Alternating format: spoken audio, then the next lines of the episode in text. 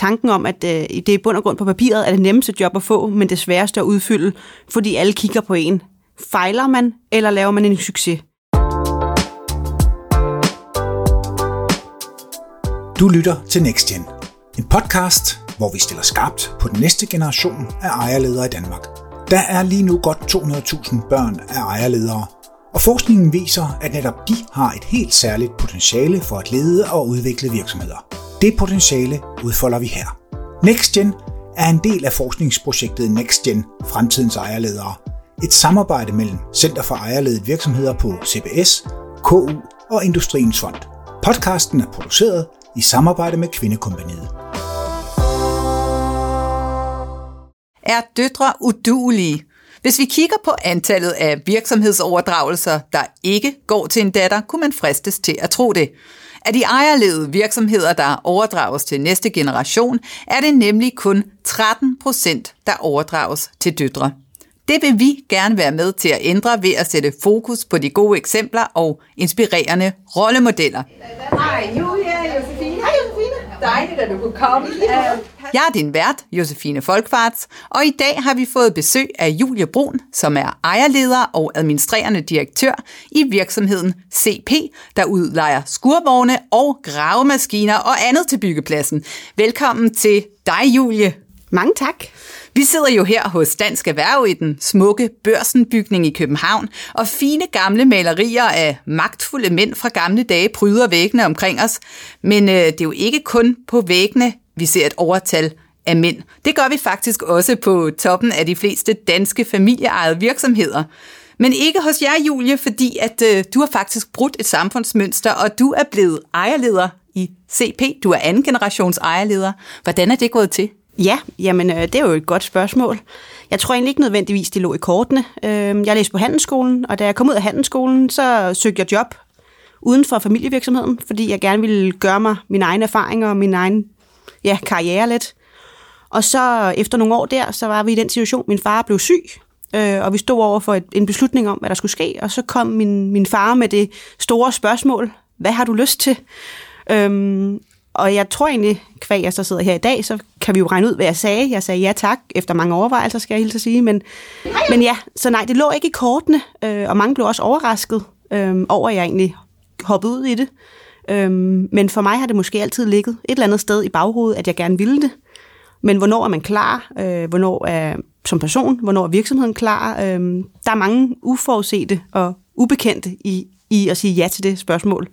Så hvilke overvejelser gjorde du der? Jamen, det, øh, jeg sad og lavede de der klassiske flyver, hvor der er plusser på den ene side og minuser på den anden side, for jeg havde det egentlig godt, hvor jeg var, og jeg var en spændende virksomhed før. Men til sidst, efter jeg et halvt års tid havde siddet og lavet de her plus- og minuslister, så, så sagde jeg faktisk til mine forældre, at øh, nu snakker vi ikke mere om, jeg gør det, nu snakker vi kun om, hvordan jeg gør det.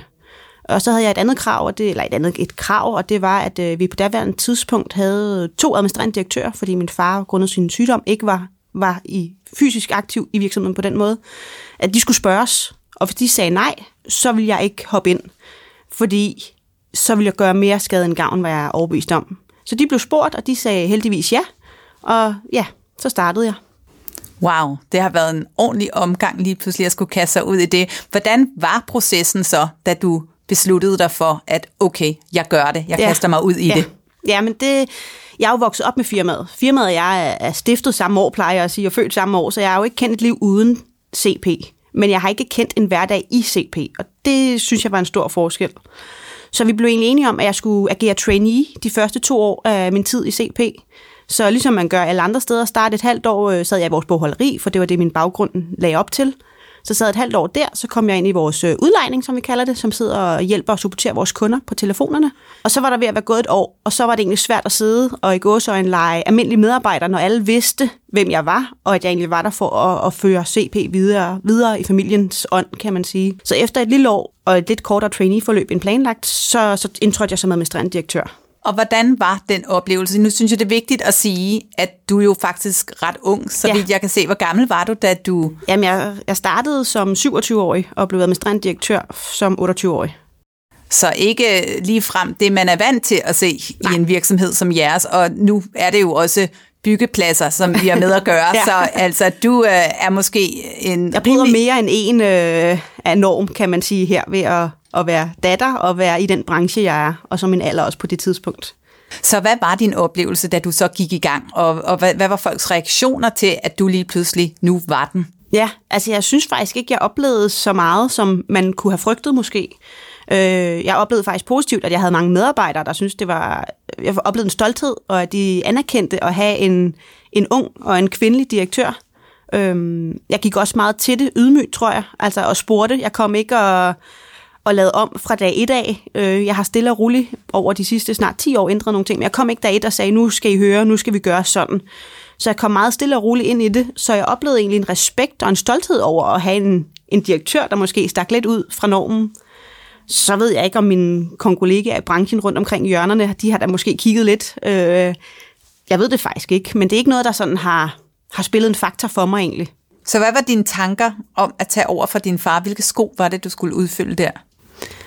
Øh, jamen, øh, det var selvfølgelig nogle store sko, men der var jo så også det her gap mellem min far og jeg, fordi han på grund af hans sygdom. Øh, så det var jo ikke direkte min fars sko, jeg trådte ind i. Men der er jo ingen tvivl om, at, at tanken om, at øh, det er bund og grund på papiret, er det nemmeste job at få, men det sværeste at udfylde, fordi alle kigger på en. Fejler man, eller laver man en succes? Øh, det, det fyldte da meget. Øh. Men du har gjort det godt i vækstet? Vi vækstede, ja. Det, fra jeg, som sagt, da jeg startede som 27-årig, var vi 75, og vi er i dag ja, cirka 1.500 mennesker. Og jeg har lavet to opkøb i mellemtiden også af, af mindre virksomheder. Og ja, ja. Det går bare derud af. Det går bare derud af, ja, det gør det. Det er godt nok flot. Din far vil virkelig være stolt, er jeg sikker på, hvis han så det der. Det er jeg også sikker på. Så det, det kan man altid trøste sig ved. Ja, og har du søstre? Nej, jeg er enebarn. Så det, så det var også derfor, Så der var, der ikke var noget valg? Der var ikke noget valg. det var mig eller ingenting. så det, det kan måske også, altså, det gjorde også hele situationen nemmere, øh, og forløbet, kan man sige. Jeg tror helt sikkert, at vores historie havde set anderledes ud, hvis min far og jeg havde været der aktivt samtidig. Fordi vi var vidt forskellige. Øh, og det tror jeg også er styrken ved, at jeg tog over, at jeg kom med et nyt øh, syn på, hvordan man skulle drive CP videre. Øh, og det er sagt alt respekt, fordi min far har drevet til det, hvor det var. Men, men ja, så jeg tror, det var ikke gået så godt, hvis vi havde været der samtidig, så, så har der været nogle, måske nogle interne kampe, øh, som jo også tit hører. Øh, men, men der fik vi lavet en klar linje med det samme, hvem det var, der bestemte, og hvem der egentlig havde teten. Og så kunne det godt være, at jeg gik hjem og lagde arm med min far derhjemme, men det så medarbejderne ikke. Nej, det betyder alligevel Det betyder noget, rigtig så, meget, tror jeg. Ja, så på en eller anden måde har det også været en hjælp, at ja. I ikke sad side om side. Det har været afgørende. Det er ikke bare en hjælp. Jeg tror ikke, det var gået så godt. Så du gik ret ydmygt til værks. Ja nu siger du også, at du har jo vokset op med den her virksomhed. Hvad tror du, det har betydet, det der med, at du havde den viden fra barndomsben øh, omkring virksomheden, og du har måske også du har hørt dine forældre tale om det, du har været inde over nogle af de beslutningsprocesser, de egentlig tog i tidernes morgen? Hvis jeg lige må starte et andet sted, så kom jeg fra en stor international virksomhed, hvor alt var i kasser, som jeg plejer at sige. Alt var struktureret og skrevet ned i politikker og, og ja, planer. Så da jeg gik ind i CP, så tænkte jeg, Nå, det er det, jeg skal. For vi skal have selvfølgelig vækst i CP, og vi skal gøre det endnu bedre og endnu stærkere.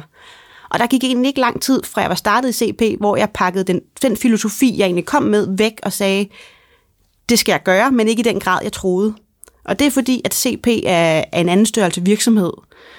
Øhm, og lige pludselig slog det mig så samtidig også, at jeg havde nogle holdninger og nogle tanker, som jeg ikke, jeg har en HD som baggrund og havde som seks års erhvervserfaring, de kom ikke derfra. De kom simpelthen fra det, jeg kalder spisebordsoplæring. Og det er jo fordi, jeg har været en naturlig del af CP, og kvæg min, begge mine forældre har været involveret i det i hele mit liv, så er der blevet snakket ufattelig meget om det over spisebordet om aftenen og vendt situationer. Så når du spørger, om jeg har været direkte involveret i beslutninger, så nej, det har jeg faktisk ikke. Men indirekte har jeg jo siddet som tilskuer øhm, til det hele mit liv. Du har overvejet det? Jeg har overvejet det og fået det ind. Øhm, vi har også øh, her, øh, for ikke så mange år siden, så fandt vi, øh, mange af mine første fritidsjob var selvfølgelig i CP. Og der fandt vi øh, håndskrevne fakturer, jeg har skrevet som 6-7-årig formentlig, øh, fordi at jeg, når man arbejdede for min far, så, så startede man jo med at forhandle en pris for hvad, den opgave, man skulle udføre. Så udførte man opgaven, så skrev man jo en faktura. Så vi har gamle fakturer liggende derhjemme, som jeg har siddet og skrevet i hånden fra mine første fritidsjobs ude i CP. Så på den måde har han jo også sådan øhm, oplært, oplært på mig på en sjov og lejende måde. Vi holdt også tit, da jeg var barn, øh, retsmøder, det lyder så for, øh, men hvor vi havde Peter Plys som, øh, som øh, hvad hedder det, dommer, Og så var min far på den ene side, jeg var på den anden side, og min mor hun prøvede at holde sig neutral. Så vi har lejet mange ting ind, kan jeg se den dag i dag, øh, som jo sådan set har i en eller anden grad klædt mig på. Så det har været en stor del af din opvækst. Fuldstændig. Men da du så startede, der var to administrerende direktører, ja. siger du. Um, har din far været inde over at oplære dig? Kunne han det, selvom han var Nej. syg? Så det er, det er den oplæring, efterfølgende har du fået fra en anden virksomhedsleder? Øh, ja og nej, fordi vi var egentlig meget på lige niveau med det samme, da jeg trådte ind, synes jeg. Øh, min far sad så derhjemme og var yderst aktiv, tro mig, havde mange holdninger. Men vi lavede på den måde et clean cut, da jeg trådte ind. Øh, men så havde jeg ham jo bag ved mig, kan man sige, og derhjemme i privaten, hvor vi, ja, som sagt, diskuterede rigeligt. Der gik bølgerne højt nogle gange. Og så havde jeg mit leder, min ledergruppe, som jo, jeg har mange med høj anciennitet, øh, ved rigtig meget. Og så min egen sådan, øh, ja, mavefornemmelse og intuition. Så jeg havde sådan forskellige komponenter egentlig at spille på, som ligesom, ja, tilsammen gav en rigtig god, et rigtig godt udgangspunkt. Hvad har du gjort sådan anderledes, end du tror, din far ville have gjort? Hvad, hvad, og hvad. Ja. var det første, du sådan kastede dig ud i? Jamen, jeg tror, jeg, jeg, jeg, jeg havde ikke sådan et stort projekt, der kastede mig ud i. Jeg tror, det var lidt min tilgang. Øh, jeg havde den intention, der kom til CP, som jeg også sagde, at jeg havde en idé om, at vi skulle struktureres lidt mere. Det her med, at min far har jo startet det fra enmandsvirksomhed, og da jeg kom til at blive administrerende direktør, var vi 75 medarbejdere. Der er bare nogle andre behov i sådan en cyklus af en virksomhed. Og det var også det, min far han gav lidt køb på. Han gad ikke at lave budgetter og mus-samtaler og alt muligt. Og der er jeg måske, det synes jeg egentlig er meget sjovt at få lidt struktur på tingene. Så hele min tese, da jeg kom ind i CP, var ligesom, at vi skulle, skulle have skrevet nogle af de ting ned, der også lå hos mange medarbejdere. Vores vision, mission, værdier var ikke noget, der stod skrevet ned, men det lå implicit hos folk. Så få alt sådan noget formaliseret har været den rejse, jeg har været på. Så du har ryddet op i en hel masse. Jeg har ryddet op, eller bare formaliseret det og skrevet det ned og gjort det synligt, i stedet for, at det var det her utalte. Fordi når du så vækster, i dag er vi 1.500 medarbejdere, Wow. så kan du ikke forvente, at dem, der var der, de 75 bare, der havde svært nok ved det, at vi kan fordoble det. Så for ligesom at få det ind i alle og prøve at, at gøre det synligt, så ja, bare få, få viden ud af folks hoveder og ned på papiret. Du får det til at lyde rigtig let, Julia. Men der må have været nogle ledelsesudfordringer øh, på vejen også. Jamen, det er der da. Det er der da. Det er da svært. Man skal da nogle gange overvinde. Jeg kan huske første gang, jeg bad min ledergruppe om, at, at nu skulle på strategiseminar. To dage uden for virksomheden. Øh, og, og det var ikke et spørgsmål, det var bare sådan noget, de skulle. Og jeg havde så tilfældigvis fundet et sted sammen med en, en, en, øh, en facilitator, jeg havde brugt helt nede på Lolland, hvor der ikke var nogen øh, internetdækning stort set og telefondækning. Så, så det var sådan, det var da lidt intimiderende at skulle bede nogen, der har været der mange år, om lige pludselig at gøre noget, som de aldrig har gjort før. Øhm, det var så en kæmpe succes, og det gør vi nu et par gange om året. Øh, men første gang, man lige skulle det, øh, jeg bad dem også at tage en, en test, en personlighedstest, for at prøve at lære hinanden at kende på en anden måde.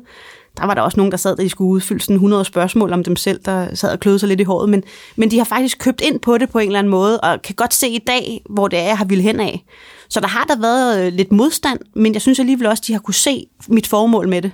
Var du nervøs i situationen? Ja, det var jeg da, helt sikkert.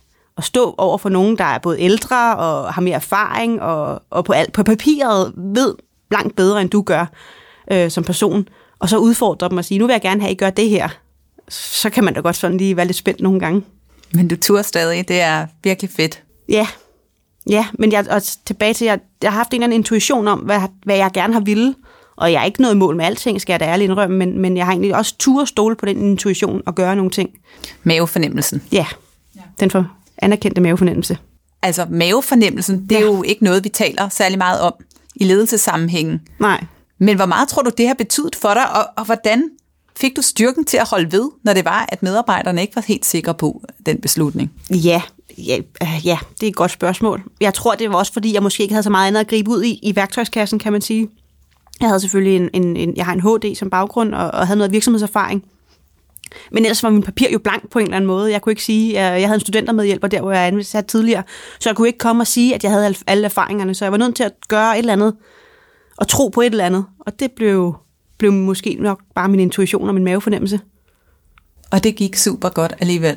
Ja, det må jeg jo sige. Øh, og jeg er da kun over tiden blevet mere og mere sikker på, at jeg skal lytte mere og mere til den. Så hvad vil du sige, dit mest væsentlige ledelsesmæssige bidrag har været til virksomheden indtil videre? Jamen det tror jeg er lidt at sætte øh, CP selv på agendaen. Vi har altid gjort rigtig meget for vores kunder, og gør det i dag også stadigvæk. Men ligesom kigge lidt ind af og sige, jamen, hvis vi skal være den bedste udgave udadtil, så skal vi også være den bedste udgave indadtil.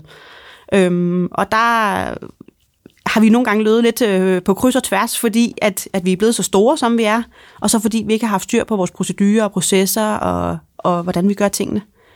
Så, så jeg har prøvet sådan meget at fokusere ind til, og det er ikke øh, i erkendelsen af, at vi ikke skal fokusere på vores kunder, men ligesom for at få det til at spille endnu bedre også. Og, og føler du, det lykkes nu? Er I ved at få ambitionerne til udfriet? Ja, det synes jeg da, men det er en lang sej rejse, fordi når du skal ændre folks mønstre og vaner, øh, så tager det tid. Men, men det har også været sådan noget med at få nyt IT, få et nyt domicil, hvor der faktisk var plads til os alle sammen. Så det er sådan mange forskellige ting. Øh, men ja, vi rykker os, synes jeg. Øh, men nogle gange kunne man da godt altid ønske at det gik hurtigere. Vi har egentlig altid sagt, og det har altid apropos ligget sådan implicit, at vi vil aldrig være det største, vi vil bare gerne være det bedste. Og det lyder nok så simpelt. Og det tror jeg egentlig, det, det er meget rigtigt. Jeg kan godt lide at drive øh, en mellemstor virksomhed. Øh, nogen kalder den til del stor. Øh, men, men ja, vi skal have det sjovt med det, vi laver, og vi skal være gode til det, vi laver. Og så synes jeg ikke nødvendigvis, det er afgørende om, hvor mange medarbejdere man har, eller hvor stor man er. Så hvad vil det sige at være det bedste? Så det er, at man har det godt på teamet. Hvad, hvad vil du ellers sige, det er en del af arbejdet? Jamen, det vil jeg sige, det er jo også godt at være anerkendt hos sine kunder, ikke? og være, at være en god øh, samarbejdspartner for vores kunder. Det er jo alt andet i sidste ende det, vi lever af, så det må man jo heller ikke underkende. Så en ting er, at vi selvfølgelig skal synes, det er sjovt at have det godt ved at gå på arbejde, men vi skal selvfølgelig også få det helt ud til vores kunder. Og det er miljøperspektivet. Og det er jo op i disse tider, hvor vi især også de seneste halvanden to år har sat endnu mere fokus på den grønne omstilling, som sker i vores verden. Så er det også vigtigt for os, at vores øh, dem, vi bor i nærheden af, altså at vi godt, også gør en forskel for, for folk. Når vi har det godt, så hjælper den lille fodboldklub, eller julemærkehjemmet, eller nogle andre, der, der gør nogle gode. Så, vi, så den, den tredobbelte bundlinje ligesom repræsenterer faktisk meget godt, hvad vores filosofi er, og hvordan vi gerne vil være som virksomhed. Julia, er det din filosofi, eller har det altid været virksomhedens filosofi? Det vil jeg sige, det har altid været virksomhedens filosofi. Min far tog i meget, altså jeg vil sige, vi havde øh, CSR-politik før CSR-politik var et ord. Øh, min far har altid taget folk ind, der måske havde en skæv baggrund, eller var kommet forkert ind på livet på nogle måder, og givet dem en chance. Øh, vi, havde, vi har en vindmølle stående ude på vores matrikel, som har stået der de sidste, ja, jeg har været der i 10 år, så den har nok stået der 15 år. Så mange af de her ting, der de seneste år er blevet i talsat, og som skal formulis, formuliseres og skrive politikker, ligger i vores natur hos mange af os i CP. Så på mange måder har I jo været frontløber ja. på grund af din far, og så har du så drevet det videre, og i tider, hvor at det er enormt relevant, kunne jeg forestille mig. Helt sikkert. Og det er jo så der, hvor vi måske skal ændre os, for vi har altid levet efter den filosofi, der hedder, den, der lever stille, lever godt. Og det kan vi egentlig også meget godt lide. Øhm, men, men vi må også bare erkende, at, at vi er nødt til, med den størrelse, vi har fået, den position, vi har fået i vores marked, at vi skal slå måske lidt mere på trummen for de ting, vi gør, og de ting, vi tror på. For de ligger faktisk øh, hos en stor del af os. Nu var jeg jo inde, fordi jeg skulle lave lidt research til det her interview, jeg inde og surfe lidt på øh, de sociale medier, øh, hvor I er aktive. Ja. Og øh, jeg var virkelig inspireret af at se øh, billeder fra de forskellige initiativer, I har kørende, både i forhold til bæredygtighed og grøn bæredygtighed. Men så så jeg jo også nogle billeder af dine børn. Ja. Øh, så jeg kan se, at øh, de øh, også får lov til at komme med på arbejde. Hvordan tænker du over øh, din rolle som ejerleder i forbindelse med din familie? Ja, det er, nu, er vi, nu er min mand også selvstændig ejerleder, så, så, så arbejde fylder for, på generelt meget hjemme hos os. Men jeg nyder virkelig, når jeg kan have min datter med på arbejde. Øhm, jeg kan selv huske de gange, jeg var på arbejde. Altså, dengang jeg var hendes alder, der boede vi jo samme sted, som firmaet lå. Så der, hver gang jeg kom hjem fra skole, løb jeg derned. Der igen, der er vi vokset så meget, så det er en anden tid. Men at kunne have hende med på arbejde øh, en enkelt dag her og der, og, og hun tuller rundt, og det synes jeg er fantastisk. Så hun også på en eller anden måde får et eller andet ind naturligt øhm, med, ja, i de, det format, jeg nu kan. Ikke? Og nu siger man jo, at øh, børn er ejerledere. Der ser, altså, forskningen viser, at de har et specielt potentiale i forbindelse med at tage over eller blive iværksættere. Mm. Tror du også på det? Altså ja, det tror jeg et eller andet sted. Altså nu ikke fordi jeg skal, jeg tror ikke, at min datter er noget mere unikt end alle andre, men der var der for, forleden dag nede i børnehaven, der sagde de, at med hendes drive, så skulle hun nok komme til at udrette et eller andet. så hun har et drive på godt og ondt, øh, som udfordrer hendes forældre, men som også måske kan, kan gøre, hun kan gøre et eller andet og bruge det konstruktivt. Det tror jeg da på. Så du tænker måske, at øh, hun en dag skal have lov til at tage biksen over? Det var min drøm engang, øh, men jeg skal også ærligt indrømme, at jeg er blevet meget afklaret med, at hun skal gøre, hvad hun synes og hvad hun har lyst til, for det er, det, det er et stort ansvar, øh, og det er, det er ikke bare et job, det er en livsstil. Øh, så det er vigtigt, at man er indstillet på det og har lyst til det. Øh, jeg gjorde det, og jeg er stolt af det, og jeg elsker det, jeg laver, og ja, er virkelig stolt af det, jeg laver, men det er vigtigt, at man har den, det med sig, øh, for man skal ikke gøre det for enhver pris, fordi så er det for hårdt. Så om hun skal overtage CP, eller hun skal starte sit eget, eller hvad hendes fremtid bringer, det, det er vigtigt for mig, at det er op til hende. Men hvis hun har lyst og mod på det, når den tid er, der er mange år til, øhm, så, så må vi tage den derfra. Og hvad vil dit råd være til andre øh, børn af ejerledere, der tænker på at tage over fra far eller mor? Jamen et eller andet sted, hop ud i det. Men igen, jeg tror, det er vigtigt, at man skal vide, at det er mere end et job. Det er den her livsstil, det, det bliver en del af dit DNA, øh, og det skal man være indstillet på. Øh, så så det, det, hvis, hvis man søger et 8-4 job, eller, så er det ikke det her, man skal, fordi du går ind i det på en eller anden måde med hud og hår. Øh, ikke fordi jeg føler mig stavnsbundet alligevel, så, men, men jeg har jo jeg har jo committet mig til det her på en måde. Øh, så det er jo ikke noget, man bare lige fortryder dagen efter. Nej, der skal passion og drive til. Ja, det skal der. Det er virkelig et aktivt tilvalg på nogle punkter, ikke? Julie Bro, tak fordi du har lyst til at være med. Selv tak. Ejerleder og administrerende direktør i CP. Du har lyttet til NextGen, en podcast om den næste generation af ejerledere i Danmark. Læs mere om NextGen på hjemmesiden nextgen.nu. Podcasten er en del af forskningsprojektet NextGen Fremtidens Ejerledere. Et samarbejde mellem Center for Ejerledede Virksomheder på CBS, KU og Industriens Fond. Podcasten er produceret i samarbejde med Kvindekompaniet. Tak fordi du lytter med.